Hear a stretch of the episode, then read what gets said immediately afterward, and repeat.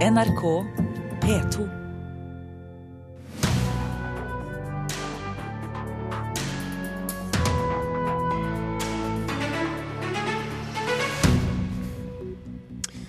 Statsråd Kjetil Solvik-Olsen må rydde opp så de nær 50 000 abonnentene får avisen sin på lørdag. Det krever Senterpartiet.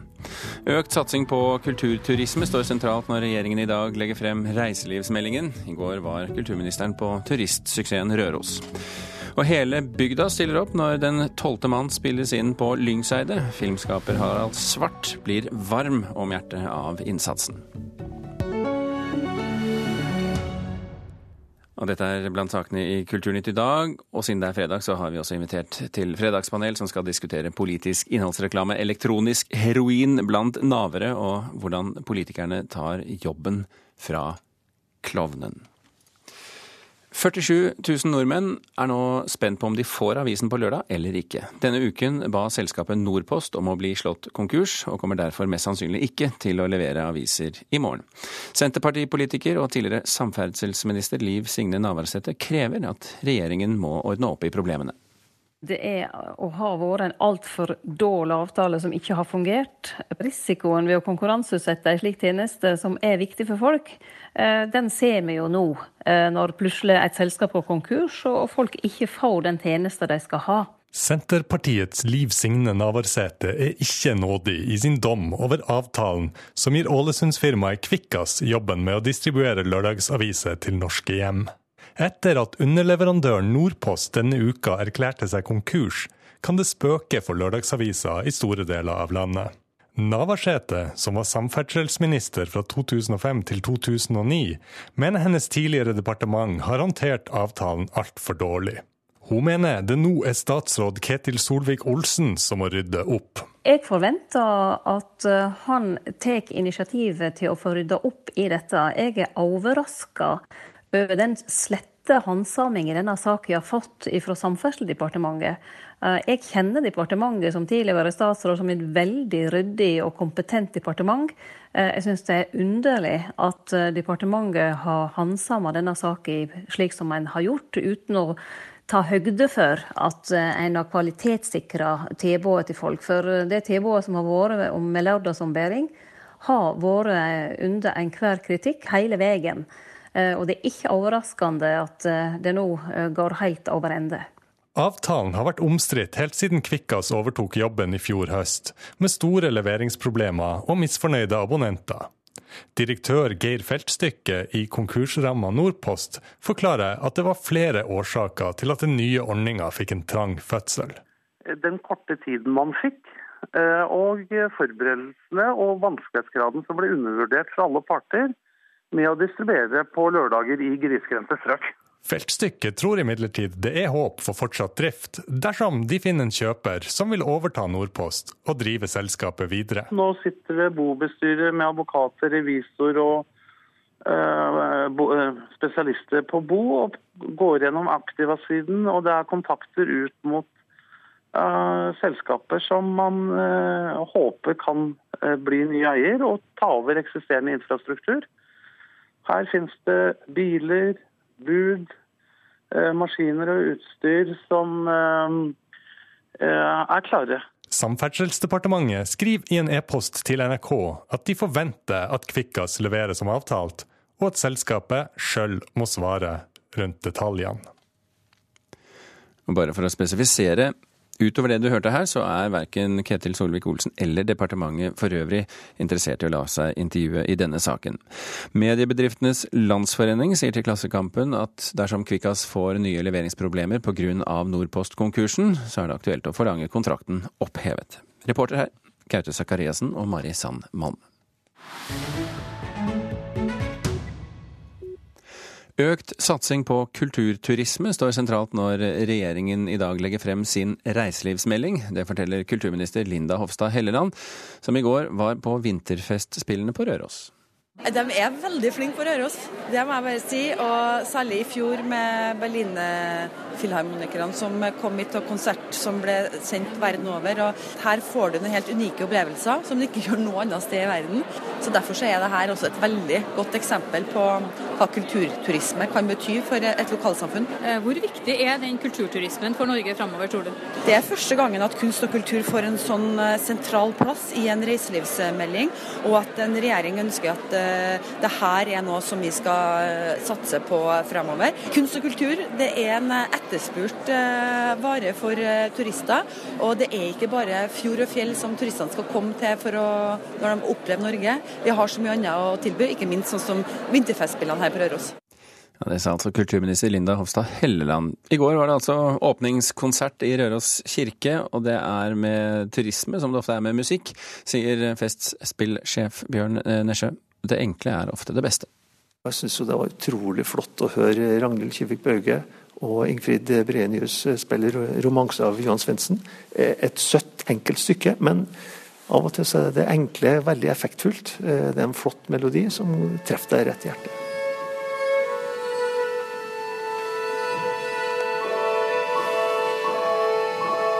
Og så er det da et spennende verk nå som pågår med Bent Sørensen, med en veldig rar besetning. Så vi går jo fra det veldig tradisjonelle til litt andre ytterpunkt. For at eh, folk skal jo få både noe kjent og kjent, og så skal vi også utfordre publikum litt. For de er ambisiøse, og kan også denne gangen by på kulturopplevelser med orkestermusikere på et høyt internasjonalt nivå. Vi ønsker å være en kvalitetsfestival og som holder på med klassisk musikk. Det er kjernen. Og, og, det søker vi fortsatt å være. Jeg tror at det vil være feil av oss å bli en sånn sjangeroverskridende festival. Det, det har ikke vi noe ønske om. Noen som er blitt glad i Røros, er mestere i det verdensberømte orkesteret Berlinfilharmonien. Her har de i flere dager spilt sammen med fem unge norske musikere, håndplukka til å være med på det unike orkesterakademiet Konstknekt på Røros. Blant dem den unge fiolinisten fra Trondheim Joakim Rødbergshagen og cellist Miriam Kamler fra Drammen. Det har vært det mest spennende og artigste jeg har gjort hittil i livet. Det er både lærerikt og så er de utrolig hyggelige. De er ikke bare stjerner i vår verden, de er jo vanlige folk også. Men nå har dere jo spilt med dem. Dette er tredje gangen dere møtes siden dere ble plukka ut til å være med på Konstknekt. Eh, hører dere noe forskjell fra gang til gang da? Blir dere bedre? I hvert fall de andre. Må ikke være så beskjeden, da. ja, nei, jeg merker at, uh, merker at vi har blitt mye bedre. Jeg merker veldig at uh, første gang vi møttes, så var vi alle veldig redde og nervøse. Og det hørtes kanskje også på spillingen at vi på en måte ikke turte å gi alt av oss selv. Mens nå er vi også, fordi vi kanskje også har snakket sammen og blitt venner med dem, da, at vi nå føler oss mye mer komfortable. og kan være oss selv i spillingen og spille ut. Hva tror du det betyr for deg å få være med og spille sammen med disse mesterne fra Berlinfilharmonien, sånn med tanke på din egen karriere? Altså, Man blir jo utrolig inspirert. Um, man får muligheten til å se akkurat hvordan de jobber og få konkrete tilbakemeldinger, i tillegg til å bare kopiere deres måte å spille på. Det er kjempeinspirerende. Ja, Det sa Miriam Kamler, en av konstknektene på Røros. Og vår reporter, det var eh, Grete Tobro.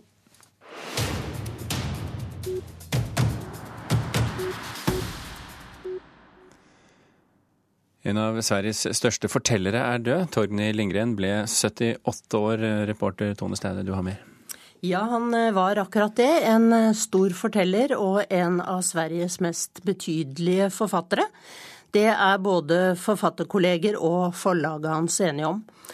En annen av de store svenske forfatterne, Per Olov Enquist, han eh, sier at eh, Torgny var en storartet forteller i et eksistensielt rom som han skapte selv, og som han er alene om. Et tonefall som kommer til å forbli unikt levende i svensk prosa. Om, om ikke naboer, de, de var vel fra Vesterbotten begge to? Ja, nord i Sverige. Og eh, Lindberg debuterte med en diktsamling i 1965. Siden har han skrevet et trettitall bøker. Og i 1982 skrev han boken som ble hans internasjonale gjennombrudd. Den het 'Ormens veg på Helleberget'. Mm. Og foruten romaner og lyrikk, så forfattet han også noveller og radioteater. Hans eh, siste roman 'Klingsord' kom ut i 2014. Og så til Ravi, Tone, fordi det er han Har jeg rett når jeg sier at han ikke er interessert i å tjene penger, eller? Nei, ja, det kan virke sånn. eller er det et reklamestunt? Nei, ja, det kan man også lure på. Men han legger altså ut comeback-albumet sitt gratis på Finn, skriver Aftenposten. Denne platen, 'Disse orda', tipper jeg den heter, eh, skjer 14 år etter debuten, som solgte i 96 000 eh, eksemplarer. Og i 2017 så gidder han ikke engang å prøve å selge musikken. Nei, bare legger den ut på Finn, ja. Ja. ja. Denne gang er jeg både artist og platedirektør, sier han. Og de to her, de er enige. Det er viktigst å spre musikken til flest mulig. Veldig god artist, veldig dårlig platedirektør. Hele bygda stiller opp når krigsfilmen 'Den tolvte mann' i disse dager spilles inn på Lyngseidet i Nord-Troms. I to uker så bidrar lyngsværingene med alt fra kaffekoking og snømåking til å være statister og trafikkvakter. Det er veldig spennende. Artig å få være med og bidra. Innspilling av film på Lyngseidet i Nord-Troms. Det er den legendariske flukten til motstandsmannen Jan Baalsrud som festes til filmrullen.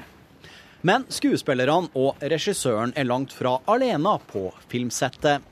Vi er også flere titalls frivillige lyngsværinger som gjennom 14 hektiske dager bidrar med sitt til innspillinga.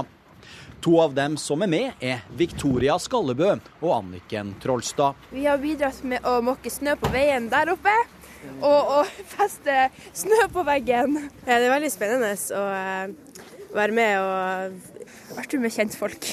En som var og mokka meg, vi må ha noen jenter. Rolf Johansen sto i går opp eh, grytidlig for å organisere skoleelevene som skulle mokke snø på filmsettet. Læreren ved Eidebakken skole forklarer det store engasjementet for filmen slik. Ja, for det første så, så vet vi at uh, den filmen uh, den har en opprinnelse i Lyngen. Altså, Jan han fikk uh, veldig god support fra folk i Furuflaten, Lyngseide, Manndalen. Så det er liksom en del av, av vår lokale historie som har gjort oss litt stolt gjennom filmen 'We Die Alone', eller boka 'Ni liv'. Eh, og vi er veldig, veldig med på at eh, den filmen som nå lages, og som fokuserer på hjelperne, skal bli god. Og, og vi ønsker å, å, være med på det. Også ordføreren i Lyngen bidrar til innspillinga av Den tolvte mann. Ikke bare har han bidratt til å finne locations. Dan Håvard Johnsen har til og med greid å kapre en statistrolle. Nei, Det kom jo litt brått på. Jeg hadde jo ikke tenkt det her i morges, da, men jeg er jo sporty, så jeg hiver meg rundt og blir med. Det er, jo, det er jo kult, hele greia. Min intensjon var jo bare å få guttene hit og lage filmen på fantastiske Lyngsøy med autentiske scener. Det var det jeg tenkte. Og så ble jeg spurt i dag om jeg kunne hoppe inn og være statist, og da sier vi jo ja til det. Og Det var jævlig fint det siste blikket du kasta på de gutta der. Da skjønte jeg alt. På de, på det er den kjente filmskaperen Harald Svart som står bak Den tolvte mann. Han har latt seg imponere over innsatsen til lokalbefolkninga i Lyngen. Nei, Man blir jo helt eh, varm av å tenke på at vi er så blir ønsket så velkomment. For de har jo virkelig stått på alle sammen, eh, unge og eldre. Og de har skuffa snø og laga mat og satt, lånt oss husene deres. Det har vært helt utrolig. Vi hadde aldri klart dette her uten uh, hjelp fra de frivillige og lokale aktører i Lyngen. da. Er det sånn her i Hollywood? ja. Der er folk litt mer plassert. Der, litt, der må, må du kanskje betale litt mer. og filmen 'Den tolvte mann' har premiere i november. Reporter på Lyngseide var Rune Norgård Andreassen. Klokken har passert 16 minutter over åtte. Du hører på Kulturnytt, og dette er toppsakene i Nyhetsmorgen nå. USA innrømmer at de kan ha stått bak et luftangrep mot en syrisk moské, der minst 42 personer ble drept og over 100 såret. USA bombet i området, men nekter for at moskeen var målet. Regjeringen ønsker en nedre grense for skolekvalitet. Kommuner med dårligere resultater på elevundersøkelsene og nasjonale prøver skal få hjelp av statlige eksperter. Og Arbeiderpartiet er uenig med seg selv om utbytte fra private barnehager. Flere fylkesledere sier til NRK at de ønsker et forbud mot utbytte, men partiledelsen sier nei. Da har Fredagspanelet vaglet seg her i studio hos meg i dag med en helt fersk og ny jente i klassen. Vi snakker om operasanger Eli Kristin Hansveen. Velkommen til deg. Tusen takk. Velkommen også til veteranene Marit Moum Aune, teaterregissør, og skuespiller og regissør Anders T. Andersen. Velkommen begge to. Tusen takk. Vi hopper rett i et uh, gøyalt tema. VG vurderer nemlig å uh, åpne spaltene for politisk innholdsreklame, altså reklame for politiske partier som ser ut som vanlig journalistikk. Nå har de vært i kontakt med samtlige partier på Stortinget, hørte vi denne uken, som enten er mot eller i varierende grad avventende til forslaget. Spørsmålet vårt til panelet i dag, og vi kan jo begynne med deg da, Eli Kristin. Bør VG få lov til å produsere politisk innholdsreklame? Nei. Nei. Nei. Nei. Syns ikke det, altså. Nei. Så da eh, OK, forklar hvorfor, eh, Andersen. Nei, det er vel slik at uh, det, i, altså i den grad vi greier å holde vårt demokrati unna av uh, pengeboka, desto bedre i den forstand at uh, desto mer penger du har, desto større parti du er. Uh, det er nå én ting. Det andre er jo at pressen bør være politisk uavhengig, og spørsmålet er jo det da om når politiske partier så klar i stor grad kan komme inn som en faktisk kunde, betalende kunde i en redaksjon, hva gjør det med dens redaksjonelle frihet osv.? Dette er uh, argumentene til Andersen. Er du enig, Hans Venn? Jeg er helt enig. Da må jeg spørre deg. Uh, er det noe bedre at de går til Facebook og Google og gjør omtrent nøyaktig det samme? Ja, på en måte, for da kontrollerer de det selv, og så er det ikke journalister involvert. Uh, altså, Jeg tror veldig mange i dag har store problemer allerede med å skille hva som er viktigst, Paradise Hotel eller sultkatastrofe i Sudan. Så jeg tror at hvis vi i tillegg plusser på denne her reklamebaserte journalistikken, så blir den plutselig likestilt med den objektive, granskende mm. journalistikken. Og så ja, det, det, er ikke bra for, for, noen ting.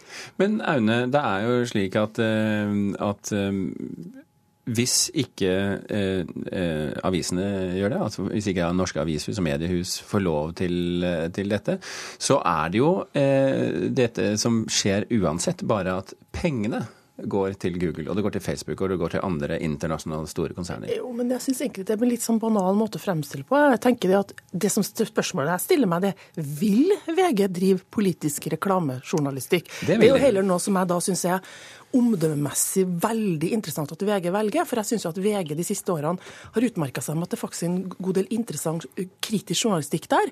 Og at VG har snudd litt, i hvert fall i mitt hode, for hva VG var for 20 år siden, hva det er i dag. Og så kommer de med det her, og da stiller jeg spørsmålstegn ved rett og slett vurderingsevnen deres i forhold til å fortsatt bygge opp en større troverdighet rundt sin egen journalistikk. Så jeg blir helt, sånn, helt overraska over, over, at de i hele tatt vurderer det. For det er helt klart at papiravisene trenger penger, reklamepenger. og det jeg. Jeg er veldig for at de her avisene skal eksistere, men denne kostnaden mener jeg blir altfor stor. Men Andersen, de må, jo, de må jo, altså norske mediehus må jo utvikle nye forretningsmodeller, ellers dør de jo. Ja, Man må ikke glemme at uh, the press is the enemy of the Norwegian people. Ja vel? Nei da. Eh, det var vel noen andre som snakket om det i et annet land. Eh, ja, det er jo et stort demokratisk problem. Eh, og det er jo også et paradoks at vi har regjeringspartier som driver og lefrer med pressestøtten når den virkelig historisk sett trengs mer enn noensinne. Det er et kjempeparadoks at man ikke greier å ta av seg de ideologiske skylappene og innse det faktum at man bare driver og snakker om at ulike plattformer skal være likestilt osv. Eh, det er jo sånn at pressen er eh, Demokratiet er helt avhengig av en fri presse, og da syns jeg vi skal jobbe for det, istedenfor å innføre nye Eh, altså Noe av problemet med et, et, et sånn type innhold er jo nettopp det at det skal se ut som om at det er van, en van, vanlig avisartikkel eller nettartikkel for den saks skyld. Eh, og, og hvorfor i all verden skal det være greit? Og hvor stopper stopper egentlig da VGs valg for hva de da støtter av politisk reklame? Vil det da komme en slags ideologi? Vi stopper de og de partiene, vil du ha med det eller det? Altså, de vil jo, de, jeg tenker det at i utgangspunktet at hele tatt det slipper ut en sånn diskusjon, at de er med i den diskusjonen. At de hele tatt går åpent ut og spør de politiske partiene. Og det er jo veldig interessant å se hvordan de politiske partiene reagerer, for de reagerer med at de faktisk ikke vil. Det, og det syns jeg jo at, at, de politiske partiene må holde pressen i ørene for at de ikke skal politisk reklame, er jo en ganske interessant uh, Det er vel ikke helt riktig at de ikke vil det, Rundbaut?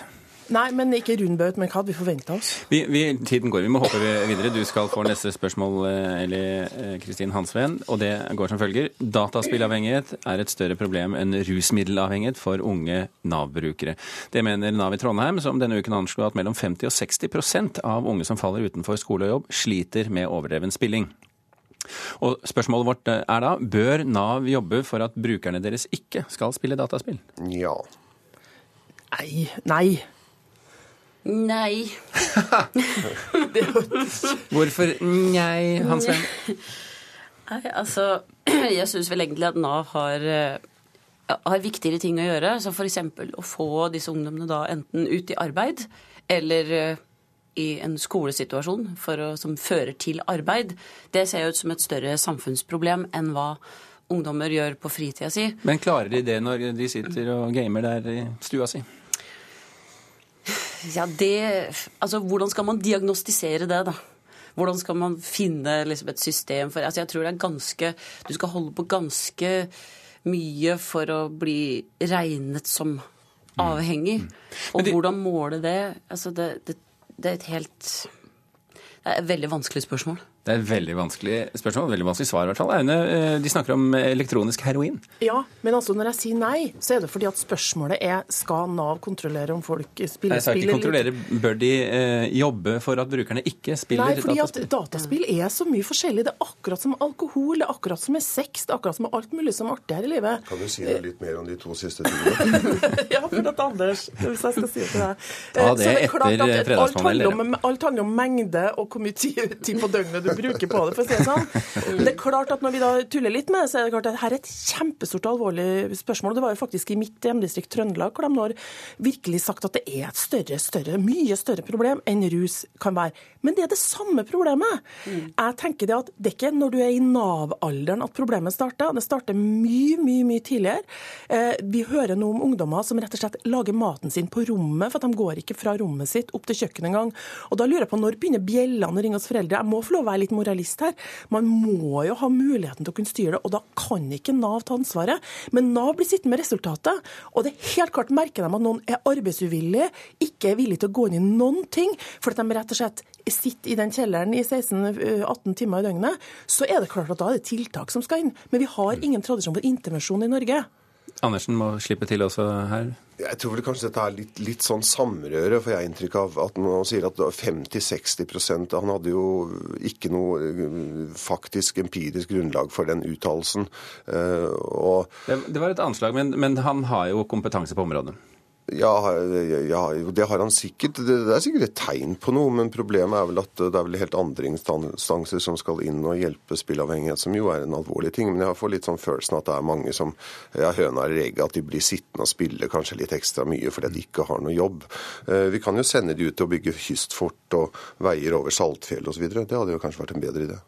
Eh, Hansven, er det, er det mm, er det et, et, generelt tegn på et forfall i samfunnet at det er så mange som faller ut på, på gaming, altså spill, dataspill? Det vet jeg ikke. Eh, jeg syns det er vanskelig å, å svare på. Jeg, tenk, jeg, sitter og tenker på at uh, hva folk bruker fritida si på. Da må vi, hvis fritida blir lenger og lenger, så, så blir jo problemet større. Mm. Så jeg liksom tenker på det. Så tenker jeg også at det må jo være bedre å drive med spill enn å lage dårlige russelåter, f.eks. Ja, det var forrige ukes fredagspanel. Du skulle sikkert få lov til å, eller hatt lyst til å diskutere det, men vi hopper heller til neste spørsmål her, som ikke handler om russelåter, men derimot nederlendere. De gikk nemlig til valgurnene eh, i den mest splittende valgkampen i Nederlands historie. Og Nederlands riksklovn han tror at det kan bli for mye av det morsomme, og sier at statsledere nå ikke må bli rarere enn klovnen, for da går de eh, ut av yrket sitt. Spørsmålet vårt er er politikere i ferd med å ødelegge komikernes levebrød? Nei. Nei. Ja. Ja. Fortell. Ja, det er litt, på en måte, et uh, litt flåste svar, men, men, problemet er jo Jeg husker han som tegnet denne Trump-tegningen i bleie som driver og krabber mot uh, verden og trekker i og full av bæsj og drar ned en globus. Han skrev jo at Eller uttalte et eller annet sted, mener jeg, at det ikke er at det er så drøyt det som skjer nå, at det er ikke morsomt lenger. Um, og det, var jo morsomt med Trump helt til han ble valgt. Ja. jeg syns jo ikke det er spesielt morsomt morsomt lenger nå. Jeg syns det er eh, fryktinngytende. Mm. Du sa eh, nei. Ja. Altså I utgangspunktet så syns jeg det er jo ikke noe morsomt med rasister og fascister, egentlig. Um, og, men så har du samtidig så har du jo da ikke sant, House of Cards, som man måtte skrive om manus fordi at manuset ble ikke drøyt nok i forhold til virkeligheten. Uh, og, og denne herre um, hva heter det, South Park, som jo mm. har gitt opp ikke sant? Bare gitt opp på Trump, ja. For det, det, det overgår. Så jeg syns dette er et sånn klassisk eksempel på at virkeligheten overgår alltid. Fantasien. Det er jo et litt problem her, Aune, at vi sier eh, bør politikere eh, skjerpe seg, for det bør de jo selvfølgelig alltid. Mm. Men det, det, er jo ikke noe, vi har jo ikke noe måte å få dem til å gjøre det på, annet enn å Nei, men altså, nå, nå, nå, er, nå, er, jeg i en situasjon at jeg jobber en del med komikere og satirikere. Are Kalve nå sist for et par år siden, og Otto Jespersen i Good Old Days. Jeg savner jo enda flere de stemmene, og jeg syns vi har noen skikkelig smarte folk i Norge som driver med politisk satire. Det som er interessant, er å se til USA. Jeg ser veldig veldig mye eh, politisk, eh, amerikansk politisk humor for tida. Den har aldri vært skarpere, aldri vært bedre. Og det som skjer, det er det at i og med at det er blitt så vanvittig som det er nå, så er den blitt litt kaldere og litt hardere. Og litt mer, faktisk mer politisert. Så at det komikerne gjør i USA, er at de går mer over på en sånn ja, ganske, ganske artig, og sikkert mange nordmenn som streamer og går inn og ser på, på, på talkshow og sånn i. USA, som virkelig, virkelig nå er på det spisseste og morsomste. Så, så, faktisk skal vi konkludere med det motsatte av spørsmålet til ja, denne nederlandske komikeren? Ja, det er nå, er det, nå er det skikkelig spennende, men også innmari lurt at noen holder på med det. Og jeg tenker at jeg syns, synes at norske komikere det var totalt apolitisert. Det var, det var, det var liksom Banaliteten eh, styrte veldig mye da. Mm. Er dere enige, ja eller nei, på slutten her? Ja da, eh, absolutt. Det, det gjør faktisk en viktig, viktig oppgave. Ja. ja. Enig. ja. Tusen hjertelig takk, operasanger Eli Kristin Hansveen, Marit Moemeine og regissør Anders T. Andersen. Teaterregissør Aune, altså. Eh, Kulturnytt er slutt. Thomas Halvarstein Ove og Birger Kåsrud Aasund takker for følget. Hør flere podkaster på nrk.no podkast.